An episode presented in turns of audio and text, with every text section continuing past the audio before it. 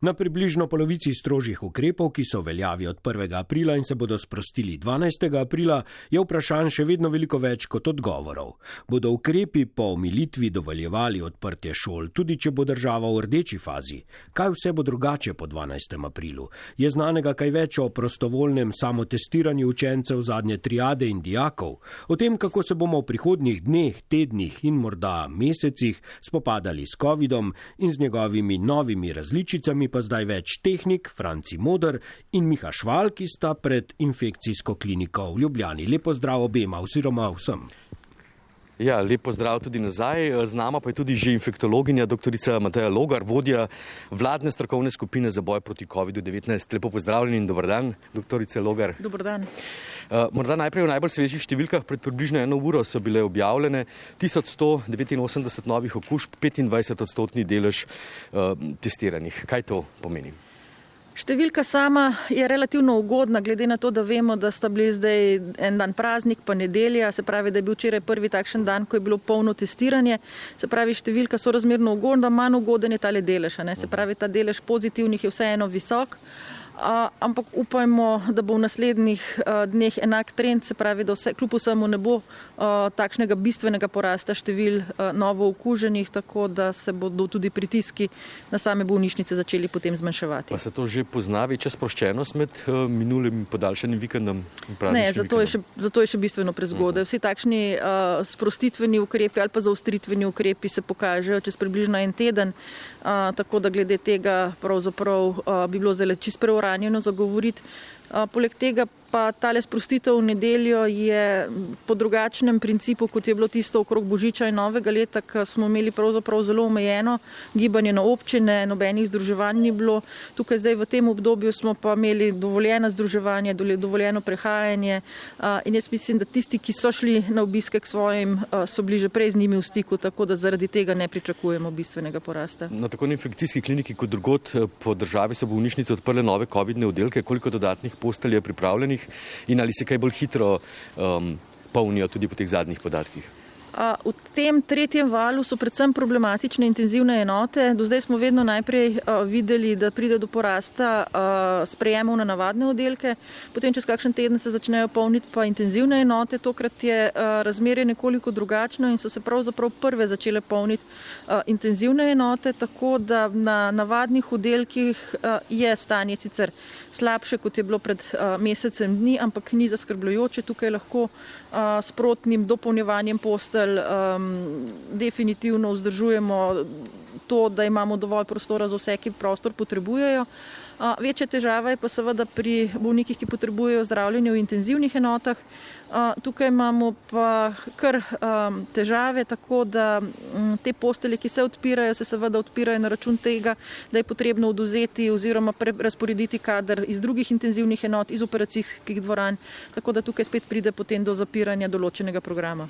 No, pred dnevi ste upozarjali, da je zaskrbljujoč predvsem porast v starostni skupini delovno aktivnih, da je najvišji pri ljudeh med 35 in 44 letom, pa nasploh te odrasli delovni populaciji med 25 in 60 letom.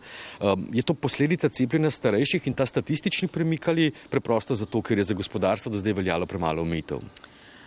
Zdaj, definitivno se pri starejših skupinah pozna to, da so pocepljene.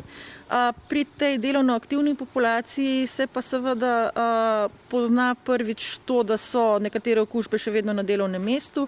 V tej aktivni populaciji je seveda tudi bistveno več družen in tudi tukaj je nekako najbolj prisoten ta občutek, smo mladi, smo zdravi, saj se nam ne more nič zgoditi in posledica tega je ponovadi tudi nekoliko slabše upoštevanje ukrepov. No, zdaj smo nekje na sredini tega obdobja intenzivnih ukrepov. Kako bo po 12. aprilu, kateri ukrepi naj bi zajezili epidemijo in uh, kako posodobiti semafor ukrepov, je vaša skupina razpravljala v ponedeljek. Uh, že včeraj smo slišali uh, nekaj uh, drobcev, v katero smer gre do vaših predlogov. Vlada naj bi vaše predloge obravnavala danes, pa ste danes dobili sporočilo, da ne bo, ne, da bo šele v četrtek. Ja, ponavadi so te sestanki skupine in vlade ob sredah. Uh, ta teden je predstavljeno na četrtek, tako da je, se pravi, se bomo jutri o tem pogovarjali. Kar se tiče samega sproščanja, svetovalna skupina je vse čas zagovarja to, da se pač te ukrepi so se začeli in se bodo končali z 11. se pravi z 12. nadaljujemo tam, kjer bomo, se pravi glede na barvo, v katero bomo v tistem trenutku padli. Ne? Se pravi, določeni ukrepi se bodo vsekakor nadaljevali, sprostili se bodo pa te, ki so bili zdaj s tem lockdownom dodatno uvedeni. Kar se tiče samega spreminjanja položaja določenih aktivnosti glede na barvo na vladnem uh, semaforju. Tukaj gre predvsem uh, za šolstvo. To smo že tako ali tako v uh, prejšnjem obdobju sprostili, kljub temu, da po barvi tega še ne bi bilo, tako da smo zdaj te šolske um, dejavnosti, se pravi predvsem pouk, prestavili iz oranžnega v rdečo cono, se pravi, da so šole odprte, tudi če je država v rdečem. To mislim, da je takšna najbolj drastična sprememba v tem trenutku. Ali torej še velja, da bodo uh, v ponedeljek, če ne bo nekega bistvenega poslabšanja, šole odprte? Ja, vsekakor mi zagovarjamo to, da se uh, učenci in dijaki s ponedeljkom vrnejo v šole. Uh, upajmo seveda pa, da ne bo prišlo do tega, da bi bilo poslabšanje takšno, da bi padli v črno uh, obarvanje. V tem primeru seveda bi pa to odpadlo, ampak trenutno na to ne kaže. No, vseeno morda se pomudiva še malo pri šolah. Ministrstvo za zdravje predvsem nerodno vprašalo šole, te pa potem učence in starše, ali bi bili pripravljeni se samo testirati. Ne? Eh, pri tem seveda ni bilo nič informacij o tem, eh, kako ne bi potekalo to testiranje, kdaj, eh, s čim. Zdaj je že več jasno, tudi to, da naj bi bili ti testi manj invazivni, z brisom iz prednjega dela nosu, ampak najbrž na voljo še ne bodo v prav v ponedeljek. Kolikor sem jaz seznanjena, na ministrstvu zelo, zelo aktivno potekajo uh, vse aktivnosti in je predvideno, da bi pravzaprav s tem tednom, ko se uh, šole ponovno odprejo, bili na voljo tudi testi. Zelo verjetno še ne v ponedeljek, ker kljub vsemu je treba uh, določene logistične stvari vseeno še rešiti, ampak če bi bilo vse tako, kot mora biti, pa bi lahko s tem tednom, se pravi z naslednjim tednom, uh, začeli tudi z samo testiranjem. Kakšni pa so ti testi, ne, kot sem rekel, ne bi se brisal z prednjega dela nosu? Um, prej so nam strokovnjaki razlagali, da je treba s to paličico iti globoko, da zajameš dejansko tisto žarišče virusa. Bodo ti testi sploh učinkoviti? Uh, ja, tukaj gre za to, da na račun tega, da lahko test izvajaš sam in da ga lahko izvajaš pogosteje, zgubimo seveda določen odstotek tistih, ki bi jih zajeli s tem brisom nosno-žrelnega prostora. Ampak kljub vsemu te testi definitivno ne nadomestijo testiranja uh, s PCR-jem, kadar gre za nekoga, ki je že bolan, ki ima znake uh, ali simptome okužbe. Tukaj gre za iskanje tistih, ki morda še niso zboleli, ki so še v tem obdobju, ko je virus že prisoten, nimajo pa še kliničnih znakov, tako da ujamemo predvsem te, preden pridejo v šolo. Uh mhm. -huh. Podrobna navodila pa so že zunaj ali še bodo.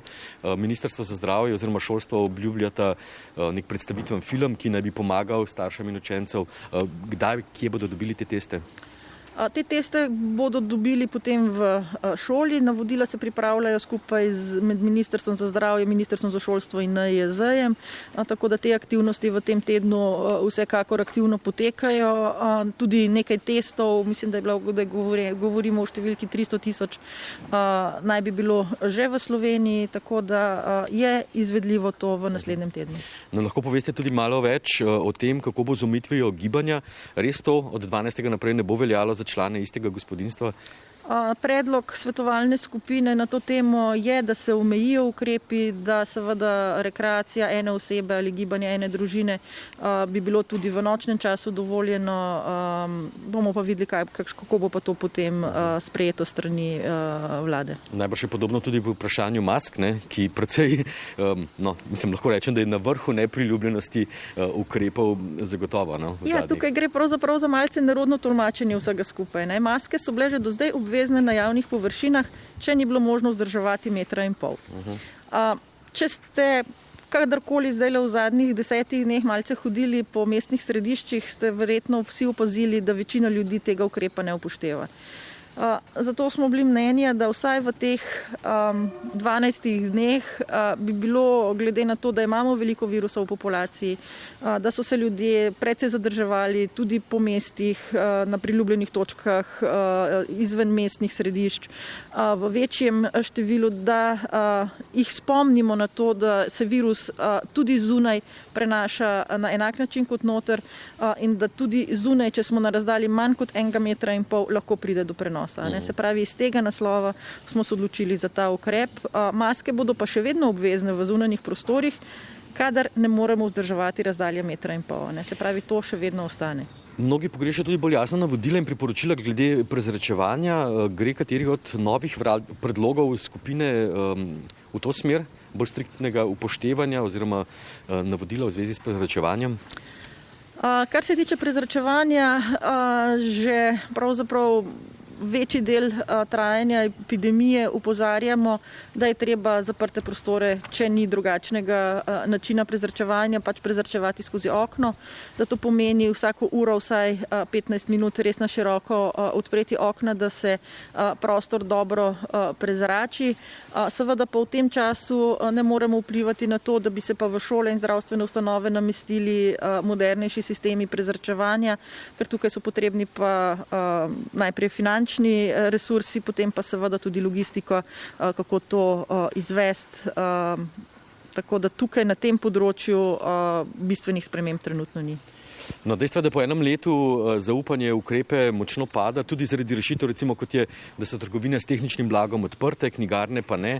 Zdaj, kakšen je epidemiološki učinek ima zaprtje knjigarne, medtem ko so ne vem, neke druge dejavnosti odprte? Eh, ali je to preprosto posledica nekih političnih odločitev ali eh, dejansko tudi vaše svetovalne skupine? Zdaj, svetovalna skupina se s posameznimi branžami pravzaprav tukaj ni ukvarjala. Mi smo predlagali, da ostanejo odprte predvsem te nujne trgovine, se pravi živilske lekarne, trgovine z um, uh, gospodinskimi potrebščinami in pa uh, kmetijske trgovine. Uh, vse ostalo je bilo potem uh, nekako predlagano strani gospodarstva. Tukaj je bilo predvsem ocenjeno, kje so tiste uh, prostori, kraji, kjer je gibanje oziroma zadrževanje ljudi dolgotrajnejše, kje je kratkotrajnejše in na osnovi tega se je potem uh, nekako naredil ta seznam. Doktorica Mateja Logar, vodja vladne skupine za boj proti COVID-u. Kaj pa mi lahko poveste, kaj v zvezi s priporočili za povečanje vem, podpore ob izostanku od dela zaradi izolacije in karantene. Ne? To so menda ukrepi, ki bi uh, utegnili uh, precej zmanjšati, predvsem uh, porašte vila uh, Eh, teh, eh, v, v tej starostni skupini, v kateri so govorili o vodoma, o delovno aktivni populaciji? Ja, tukaj so, uh, vsaj kar poročajo z terena, precejšnje težave, predvsem strani nekaterih delodajalcev, ki namesto, da bi spodbujali to, da se gredo ljudje čim prej testirati in da ostanejo domače sobovni, uh, tega še vedno pravzaprav ne promovirajo oziroma se ponovno pojavlja praksa, saj če dvakrat smrkneš in malo pokihaš, pa res ne boš zaradi tega ostajal doma tako da to je stvar, na katero želimo upozoriti, da še vedno, tudi če imamo blage prehladne znake, je potrebno in smiselno, da se gremo testirati na prisotnost novega koronavirusa. Seveda so ljudje um, v različnih socialnih situacijah, v različnih stiskah in nekaterim je v resnici težko ostati doma, če vedo, da bodo dobili niže nadomestilo. Tako da zelo verjetno je res, da če je nadomestilo 100%, uh, da se bo nekdo prej odločil za to, da se bo šel testirati in ostal doma. Seveda je treba pa tukaj ločiti, ne? se pravi, če pride do um, okužbe na, uh, in potrebe po karanteni in samoizolaciji na delovnem mestu, ali pa se je nekdo odločil, da gre uh, do, dopustovati nekam v tujino in se je uh, okužil pri tem, ko je bil na dopustu, uh, tega pa vsekakor ne moremo izenačiti, ne? da bi tudi te bili potem vključeni v to 100% nadomestilo. No, lani v tem času ste infektologi eh, lovili eh, stike, sledili stikom okuženim zelo, zelo intenzivno. Eh, zdaj pri teh številkah je najbrž to nemogoče ali morda spet razmišljate o tem, da bi spet uvedli sistem? Zdaj, infektologi sledenja. nismo nikoli sledili stikom, sledili so jim epidemiologi. Infektologi se pa res zauzemamo za to, da bi bilo to sledenje čim bolj aktivno. Mi smo namreč mnenja, tako kot infektologi posod po svetu, da več kot ujameš kontaktov in jih daš v karanteno, manj imaš širjenja virusa. Uh, je pa res, da je v Sloveniji situacija, kar se tiče števila epidemiologov, uh, zelo slaba, tako da se iščejo rešitve, kako uh, bi uh, z drugimi um, resursi, z drugimi ljudmi uh, pomagali uh, epidemiologom pri iskanju teh kontaktov. No, zdaj pa še um, kaj o cepljenju. Um, nekako, uh, ko so ste recimo uh, uspeli povrniti zaupanje v cepivo AstraZeneca po tistih prvih zapletih, so se pojavili novo in potem se je uh, spet nekako vzpostavilo vsaj kanček zaupanja, pa so se spet pojavile nove težave. Kakšna je zdaj zadnja verzija in morda tudi obeti uh, za cepljenje s tem cepivom, sploh po včerajšnjih izjavah predstavnika EME, ki naj bi potrdil to povezavo med cepivom in krvnimi strtki? Ta izjava je bila potem umaknjena, ne? se pravi, tukaj je šlo za en komentar. A, gre za to, da cepivo a, je na tržišču po registracijski študiji, ki je bila zasnovana, kakor je bila zasnovana. Takrat so bile težave predvsem v tem, da niso imeli vključenega zadostnega števila starejših od 60, zaradi tega je bila najprej ta omejitev, da se starejših od 60 let s tem cepivom a, ne cepi. Potem so prišli dodatni podatki, ki so potrjevali učinkovitost cepiva tudi pri starejših, zato smo to potem a, pri nas omaknili. A, zavedati se moramo, da vedno registracijske raziskave potekajo na 30-40 tisoč ljudeh. Ne? Se pravi, neželeni učinki, kot so zdaj te, se pravi, pojav imunske trombocitopenije, znižanega številka, števila krvnih ploščic in pa pojav strtkov v, v možganjih, se pojavljajo pa nekje na 1 proti 100 tisoč do 1 proti milijon cepljenih. Se pravi, to je stvar, ki je s to um, samo registracijsko študijo niso mogli uh, zaslediti in to je ravno tisto, kar je pomembno, um, da se zavedamo, da je treba uh, vse te neželene učinke seveda spremljati, prijavljati in jih ustrezno analizirati in da se vidi, katere so skupine, pri katerih se pojavi. Ali je to res neka specifična skupina in se pri njih potem to cepivo ne uporablja, ali gre to za splošno populacijo. Slovenija je definitivno premajhna, da bi lahko se zanašala samo na svoje podatke, zato pač čakamo podatke EME in ostalih evropskih držav. Po vašem osebnem mnenju, kaj menite, kdaj bomo spet začeli cepiti z AstraZeneca? EMA naj bi podala mnenje a, tekom tega tedna, mislim, da je predvideno za jutri uradno a, njih podaja stališča, a, tako da glede na to se bomo tudi pri nas potem odločili. Cepljenje z AstraZenekinim cepivom pa pri nas poteka za starostno skupino od 60 do 65 let še vedno. -huh. Sicer pa prihaja skoraj 350 uh, tisoč cepiv uh, v tem mesecu. Um, kako načrtujete spodbuditi za cepljenje tudi tiste, ki se še niso odzvali, ne mendajo v starostni skupini 80 in več? Več, prvi odmerek dobilo manj kot 60 odstotkov ljudi. Tukaj je bilo na začetku kar nekaj logističnih uh, težav. Nekateri te, um, nek, ki bi morali biti že cepljeni, uh, niso prihajali na cepilna mesta zaradi same, samih težav s pokretnostjo, s prevozom. Uh, tako da tukaj uh, so se zdaj stvari nekoliko sprostile, tako da se tudi mRNA cepivi lahko cepi uh, ne samo na cepilnih mestih, ampak tudi v zdravstvenih domovih, teoretično tudi uh, doma. Tako da tukaj se bo je potem stvar, da se še enkrat uh, prevetri, kateri so bolniki oziroma ljudje, ki še niso bili cepljeni in se jih še enkrat povabi na cepljenje. Oziroma, če se še niso prijavili pri svojem zdravniku, da se pri svojem zdravniku na to uh, prijavijo. Uh mhm. -huh. no, zagotovo vsi zapleti s cepivi in cepljenjem prispevajo nekemu poglabljanju zaupanja, prej nasprotno. Uh, prav tako je precej neploden tudi ta, bom rekel, ljubljanski zaplet, če mu tako rečemo, ko je vodja cepljenja obtožil mestne oblasti in ljubljanski zdravstveni dom, da pri cepljenju niso učinkoviti. In seveda imamo običajni državljani težave, ne, presoditi, kaj je res in kaj ne. Mi recimo vidimo samo dobre prakse, kot je denimo kočevje, ker jim gre očitno vse kot pomas raslu. Um, in so seveda uspeli cepiti tudi druge skupine uh, ljudi. Uh, drugot pa upamo, ne, da se bodo odgovorni uskladili in da ne bomo državljani med nakovalom in kladivom. Uh, kako vi vidite te zaplete, to recimo različno organizacijo cepljenja po Sloveniji? Uh, ja, se pravi, najbolj idealno bi bilo res, da bi imeli enotni sistem prijavljanja. Ne, se pravi, da bi tukaj, uh, ne glede na to, z katerega dela Slovenije si, uh, bil v enotnem sistemu uh, in ko bi bil, uh, bila tvoja skupina na vrsti, bi prišel seveda na vrsto.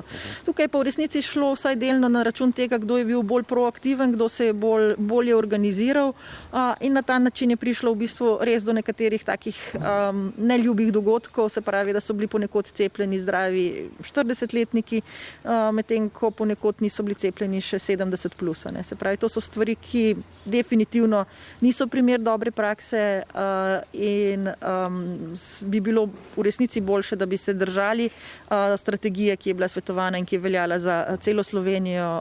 Tako da Zdaj, najprej nekega enotnega registra še zlepa ne bomo postavili, predvidevam, da je to velik logističen zalogaj, kakšni pa so recimo eh, neki nasveti, da bi se eh, ta učinkovitost cepljenja izboljšala? A, predvsem gre za to, da se upošteva strategija cepljenja. Ne, v strategiji cepljenja je bilo jasno navedeno, katere starostne skupine in katere rizične skupine uh, imajo prioritete za cepljenje. Uh, in večina uh, države se je tega držala, se pravi, te, ki so poskušali biti pa nekoliko pro, bolj proaktivni, uh, so pa na račun tega, da je nekaj cepiva seveda uh, vedno uh, ostane, zaradi tega, ker nekdo ne more priti na cepljenje, nekdo je morda zbolel, uh, so potem cepili te, uh, ki sicer še ne bi prišli na, na vrsto. Tako da edina rešitev, um, ki bi to izboljšala, je res enoten sistem. Uh, ampak se pravi, tukaj je stvar, ki je v nastajanju, ampak mislim, da za čas COVID-a vsaj trenutno ne bo zaživela. Doktorica Mateja Logar, zdaj ste že nekaj časa na vročem stolu, vodje svetovalne skupine za COVID, mislim, da približno mesec dni. Uh, večkrat smo v preteklih mesecih slišali, da politika stroke ne upošteva, tudi iz vrst strokovne skupine so bili kdaj pa kdaj takšni signali. Kako vi danes ocenjujete to sodelovanje stroke in politike? Um, Zdaj, moje obdobje vodenja skupine je, kot ste rekli, eh, sorazmerno kratko. Eh, v tem času se nam je zdaj seveda zgodilo tole poslabšanje eh, z lockdownom, kar je bila seveda ekstremna situacija.